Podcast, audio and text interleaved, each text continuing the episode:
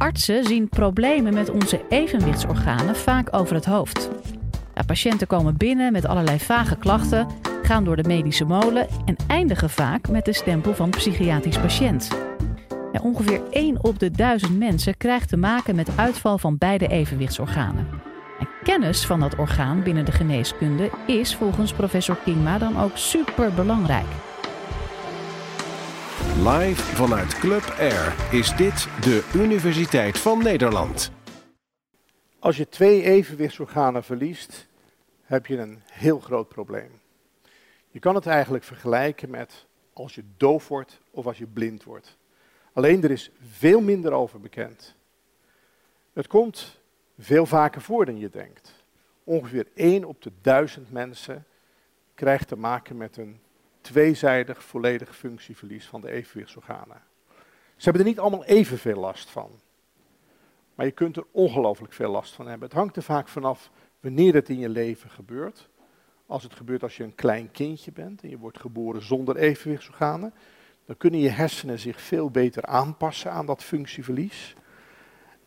Als je het later krijgt op latere leeftijd, als je relatief jong bent, is je aanpassingsvermogen ook groot.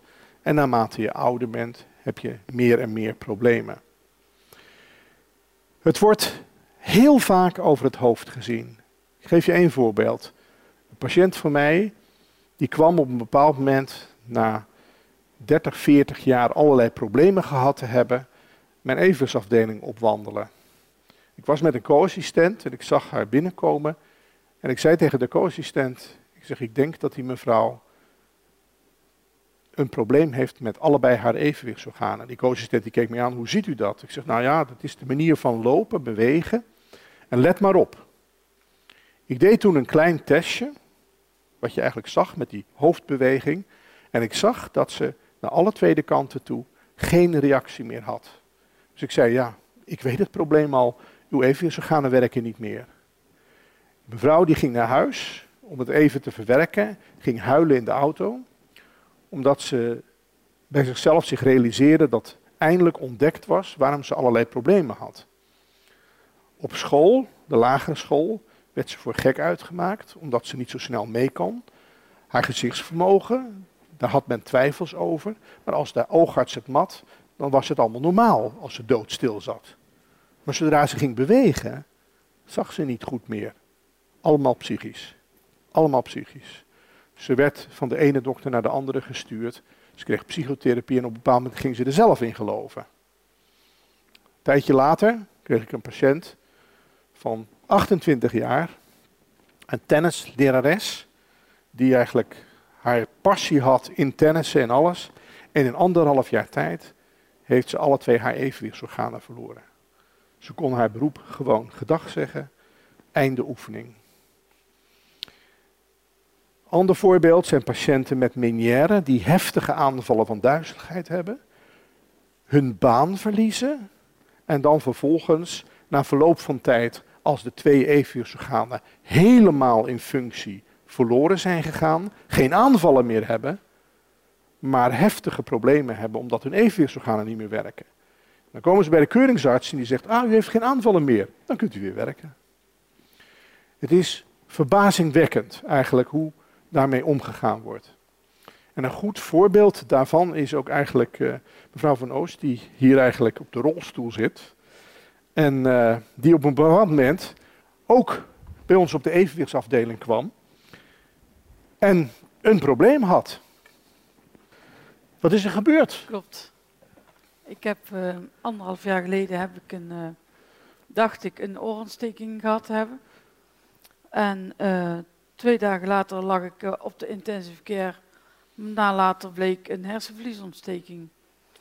En ehm, ja, daar hebben ze zoveel medicatie moeten geven, antibiotica, um, dat die antibiotica mijn evenwichtsorganen heeft vernietigd eigenlijk, als het ware. Ja, uh, mevrouw is behandeld met antibiotica. Daar is geen keuze in, anders had ze het niet overleefd. Ja. Maar die antibiotica, die specifieke antibiotica, daarvan is bekend dat ze het evenwichtsorgaan kunnen aantasten en ook het gehoororgaan. In die zin heeft ze nog geluk gehad, want het gehoor had ook uitgevallen uh, kunnen zijn. Uh, En er zijn dus best veel mensen die dit meemaken. En ze gaan vaak naar huis met het idee van, ja, nou ben ik, ik heb het overleefd. En ze blijven klachten houden waarvan niet wordt vastgesteld waardoor het komt. Want ze waren zo ziek dat de misselijkheid van het uitvallen van de evenwichtsorganen, dat dat eigenlijk toegeschreven wordt aan de algemene slechte lichamelijke conditie van die patiënt. En dat ze, ja, ja, mevrouw had heel veel problemen. Een heleboel van die problemen zijn voorbij. We gaan ook werken nu aan het evenwicht, zeg maar. Maar ja, we kunnen die evenwichtsorganen natuurlijk niet echt herstellen zo eenvoudig. Dus als u over straat loopt, wat, wat merkt u dan? Ja, Kunt u nog goed zien? ja, ik zie goed als ik mijn hoofd maar stil hou. Ja. Dan zie ik goed. Maar zo- zodra je gaat, gaat lopen, bewegen in de rolstoel of in de auto zit, het dendert, het wiemelt. Dus je ziet alles meebewegen. Dus ja, de borden boven de snelweg kan je niet lezen, want je ziet niet wat erop staat als het zo gaat. Ja, en ja, alles beweegt mee.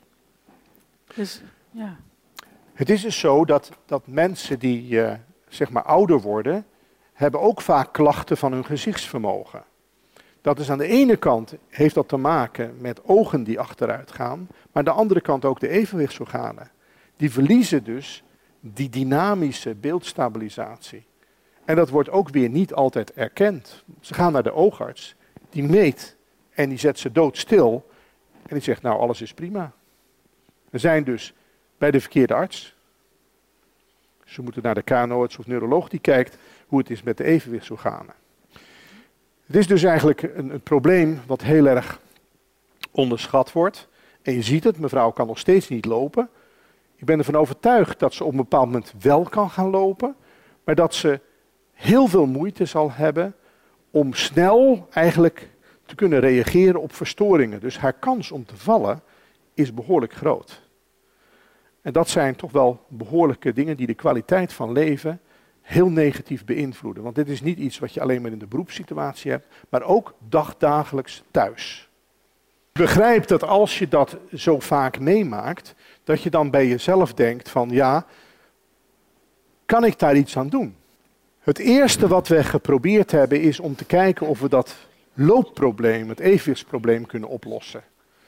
En dat is niet iets wat ik zelf bedacht heb. Dat is iets wat zeg maar al 30 jaar, 40 jaar geleden gebruikt is als een techniek om misschien blinde mensen te helpen. Wat we noemen fibrotactiele stimulatie. Dat is kleine vibratortjes, een klein kunstevenwichtsorgaan dat alle bewegingen voelt en een microprocessor die die trillelementjes weer aanstuurt. Nou, je draagt dit rond je middel en op het moment dat ik te veel naar voren buig, gaat het voorste vibratortje trillen. Te veel opzij, de zijkant. En zo voel je eigenlijk weer als een soort kompas waar de zwaartekracht is.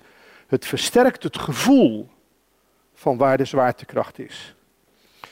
Nou, dit is natuurlijk eigenlijk op zichzelf een, een, een simpele oplossing. Hoewel het nog niet helemaal uitontwikkeld is. We hebben die principes van vroeger toegepast.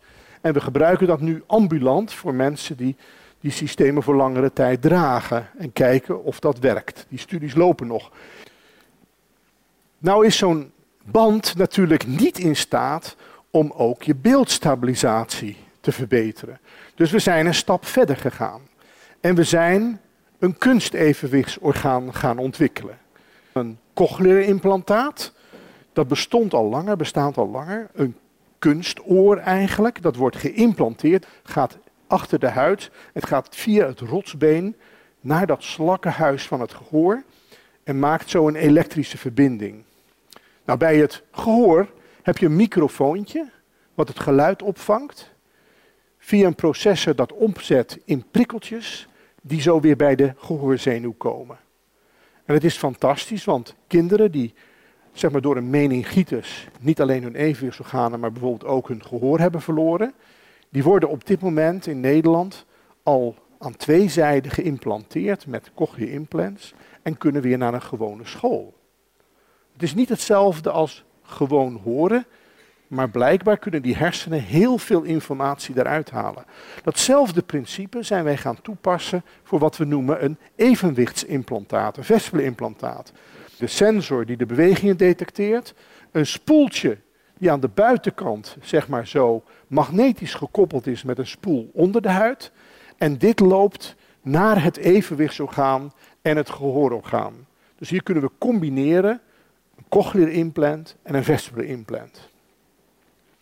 In augustus vorig jaar hebben we de eerste patiënt ter wereld daarmee voorzien. Dat was sensationeel, omdat het nooit eerder was gedaan, maar ook voor ons was het ongelooflijk spannend om te kijken van, gaat dat werken? Nou, we zijn die mevrouw gaan testen in het laboratorium en wat bleek? Dat we inderdaad oogbewegingen konden opwekken. En dat we zelfs konden meten dat als ze aan het lopen was, dat haar gezichtsvermogen verbeterde. Inmiddels hebben we elf mensen geïmplanteerd.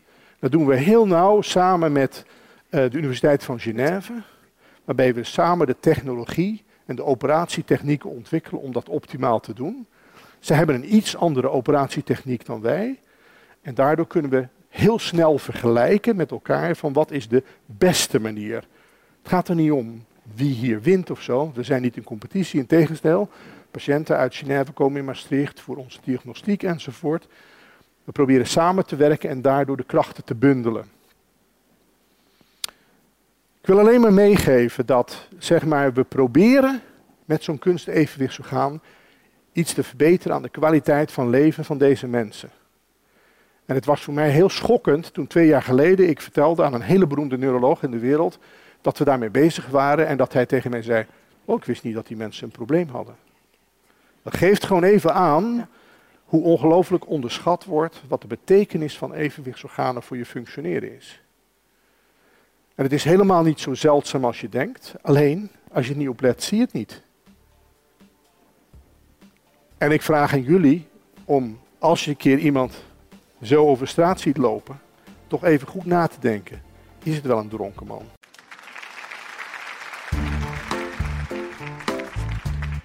Heeft deze podcast je nou geprikkeld om meer te weten te komen over de wetenschappelijke wereld? Maak je borst dan maar nat, want de Universiteit van Nederland komt met een nieuwe podcast genaamd Lableven. Deze zomer reizen we door heel het land om 14 unieke laboratoria van 14 verschillende universiteiten te bezoeken. Iedere woensdag hoor je de ins en outs van wat er speelt in het lab. Maar ook wie de wetenschapper achter het onderzoek is. Want wetenschappers zijn tenslotte ook maar gewoon mensen. We luisteren nu onze nieuwe podcast Lab Leven.